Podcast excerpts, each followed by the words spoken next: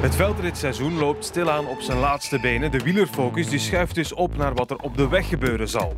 Met een pittig jaar voor sommigen die ambities kunnen hebben op de weg en de piste, op de Olympische Spelen in grote rondes en op het WK. En dan denken we al gauw aan één iemand. Versnelling van Lotte Kopecky. Mensen zijn gelukkig.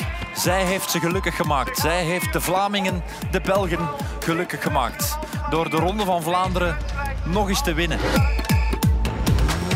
2023 was een fantastisch jaar voor Lotte Kopecky. Ze won haar tweede ronde van Vlaanderen, pakte groen in de Tour en stond als tweede op het eindpodium daar.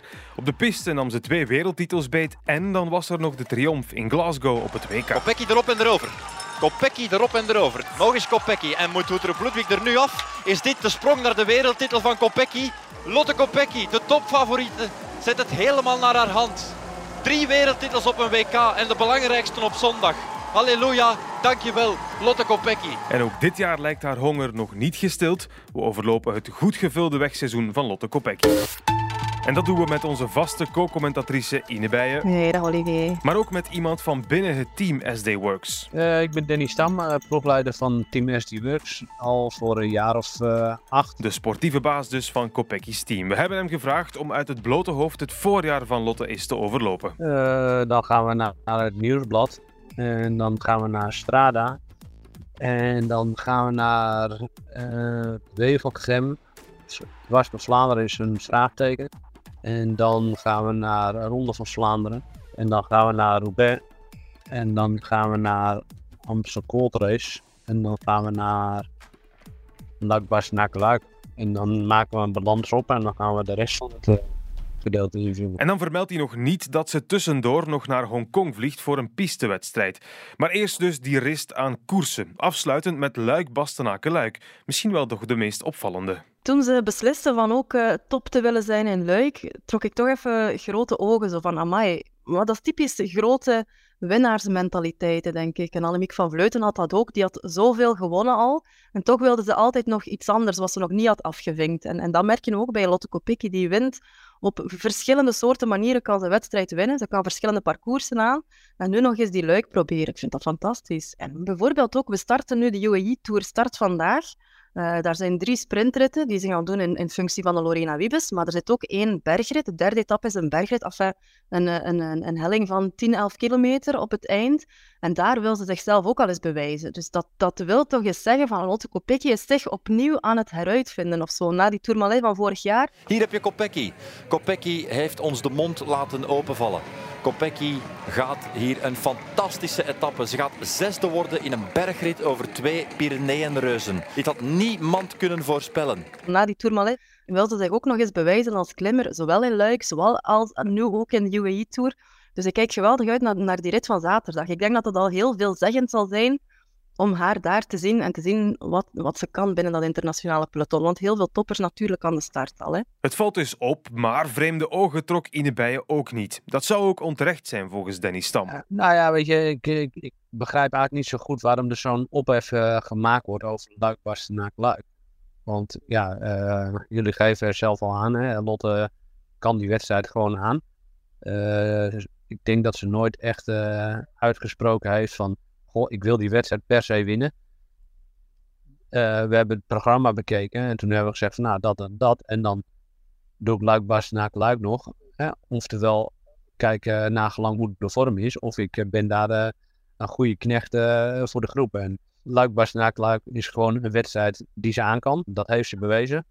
Dus ja, waarom zouden we haar niet opstellen als ze daar zelf behoefte aan hebben? Omdat het misschien ook extra mooi zou zijn om in die regenboogtrui als winnaar van die grote wedstrijden over de streep te komen. Ja, ze heeft die wereldkampioenentrui aan. Dat, dat brengt enerzijds, niet vergeten, gigantisch veel druk met zich, met zich mee. Maar anderzijds wil ze zich, ja, je ziet het gewoon, ze straalt en ze wil zich zo hard bewijzen, keer op keer.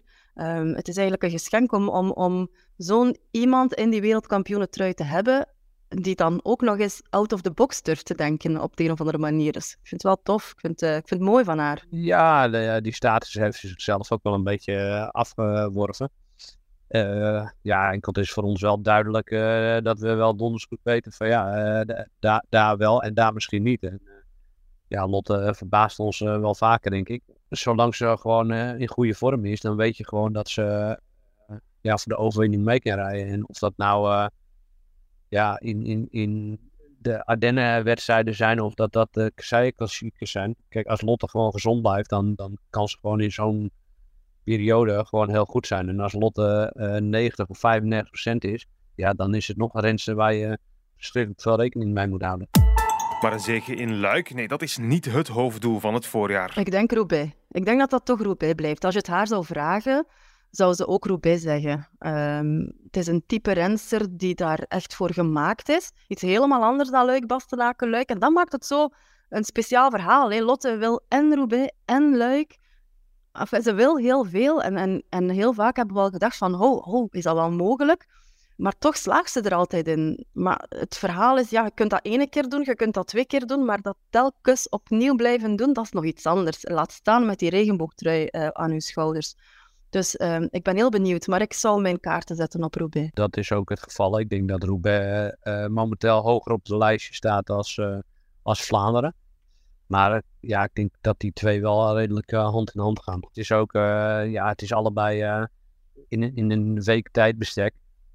Dus ja, vormsgewijs gezien zal je daar gewoon allebei goed moeten kunnen zijn.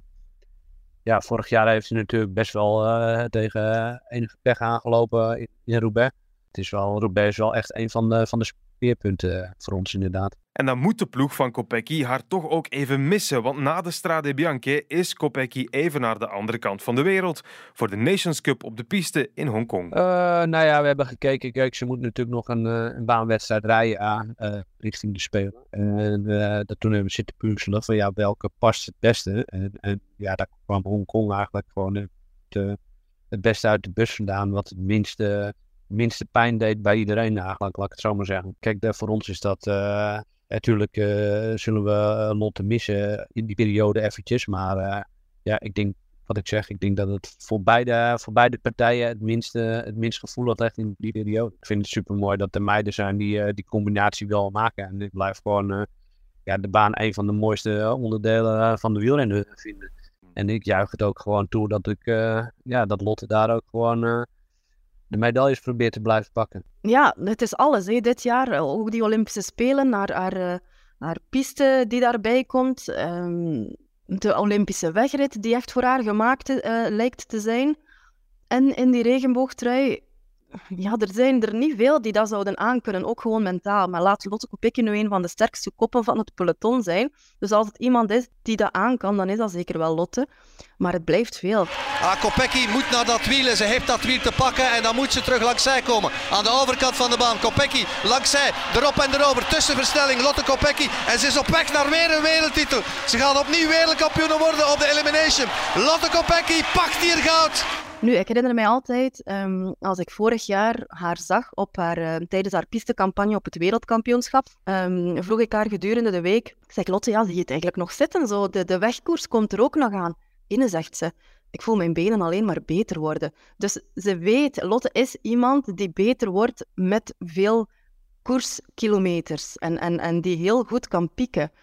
Ook niet vergeten, ze is, ze is, wel, ze is haar eigen trainer hè, nog altijd. Ze wordt wel supergoed begeleid, zowel, zowel door de, de Belgische wielerbond als door, uh, als door haar eigen ploeg. Maar ze is iemand die heel goed haar lichaam aanvoelt. Dat heeft, ze, dat heeft ze al bewezen. Dus ze moet ergens ook gewoon vertrouwen hebben in haar keuzes die ze maakt, denk ik. Dus hoor ik je dan zeggen dat die uitstap naar de piste juist een voordeel is dan een nadeel? Als we kijken naar het verleden, is dat altijd zo geweest. Dus ik zou het zou me niet verbazen. Moest, zij is echt iemand die dat nodig heeft. Die, die korte prikkels, die, die piste, dat, die, die piste vibe ook gewoon. Hè. Je zit daar in een, een kleine equipe.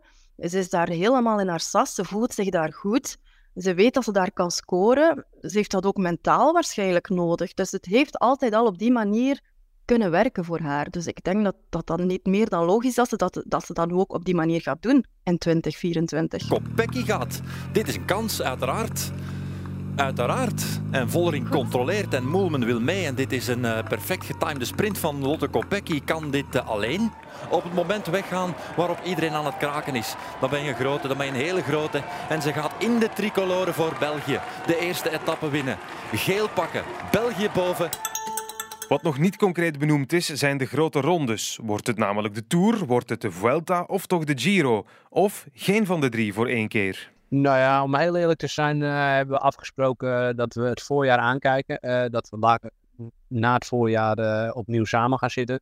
En dat we dan uitstippelen van hoe gaan we de rest van het seizoen invullen. Hè. We hebben natuurlijk Olympische Spelen ja, wat, wat heel ongunstig ligt richting de Tour de France. En met de kwaliteiten die ze ook op de baan heeft, hè, dat ze daar ook gewoon Olympisch kampioen kan worden. Hebben we gezegd joh, we kijken eerst aan hoe, het, hoe het voorjaar loopt. En gaat dat vlekkeloos, dan, dan kunnen we de rest gewoon invullen. En mocht er daar wat kink in de kabel zitten, ja, dan kunnen we misschien, ja, moeten we misschien iets bijstellen of, of er wel of er niet. Goh, ik denk dat ze sowieso wel één gaan rijden. En ze heeft daarvoor veel te veel honger, honger in koersen. Um, maar als dat de Tour de France gaat zijn, dat, dat betwijfel ik toch. Ze heeft haar laatste pistenummer um, op de Olympische Spelen is de dag voor de start van de Tour de France. Dus dat, dat lijkt mij logistiek gezien zeer moeilijk haalbaar. Um, maar of ze dan de Giro of ze dan de, de Vuelta gaat nemen, waarom niet? Tuurlijk. het seizoen is uiteindelijk is nog wel even, hè. Ehm, na die Olympische Spelen. Dus daar, daar is nog wel wat te rapen, hè. En ze heeft die wereldkampioenentrui aan, dus natuurlijk wil je dan een grote ronde gaan rijden. Uh, we hebben drie grote rondes, dus uh, ze zal er ongetwijfeld eentje rijden. Kijk, en uh, ik denk dat er gerust wel eentje in gaat passen, maar ja, de, zeg de aanloop na de Spelen en, en, ja, de nazorg na de Spelen, laat ik het zo maar even noemen. Ja, dat hangt wel echt in uh, val te staan met het voorjaar. Afwachten dus waar we Lotte Kopecky nog gaan zien en hoeveel keer als eerste over de streep zien komen. Hopelijk veel. Tot de volgende keer, tot de volgende Sportza Daily.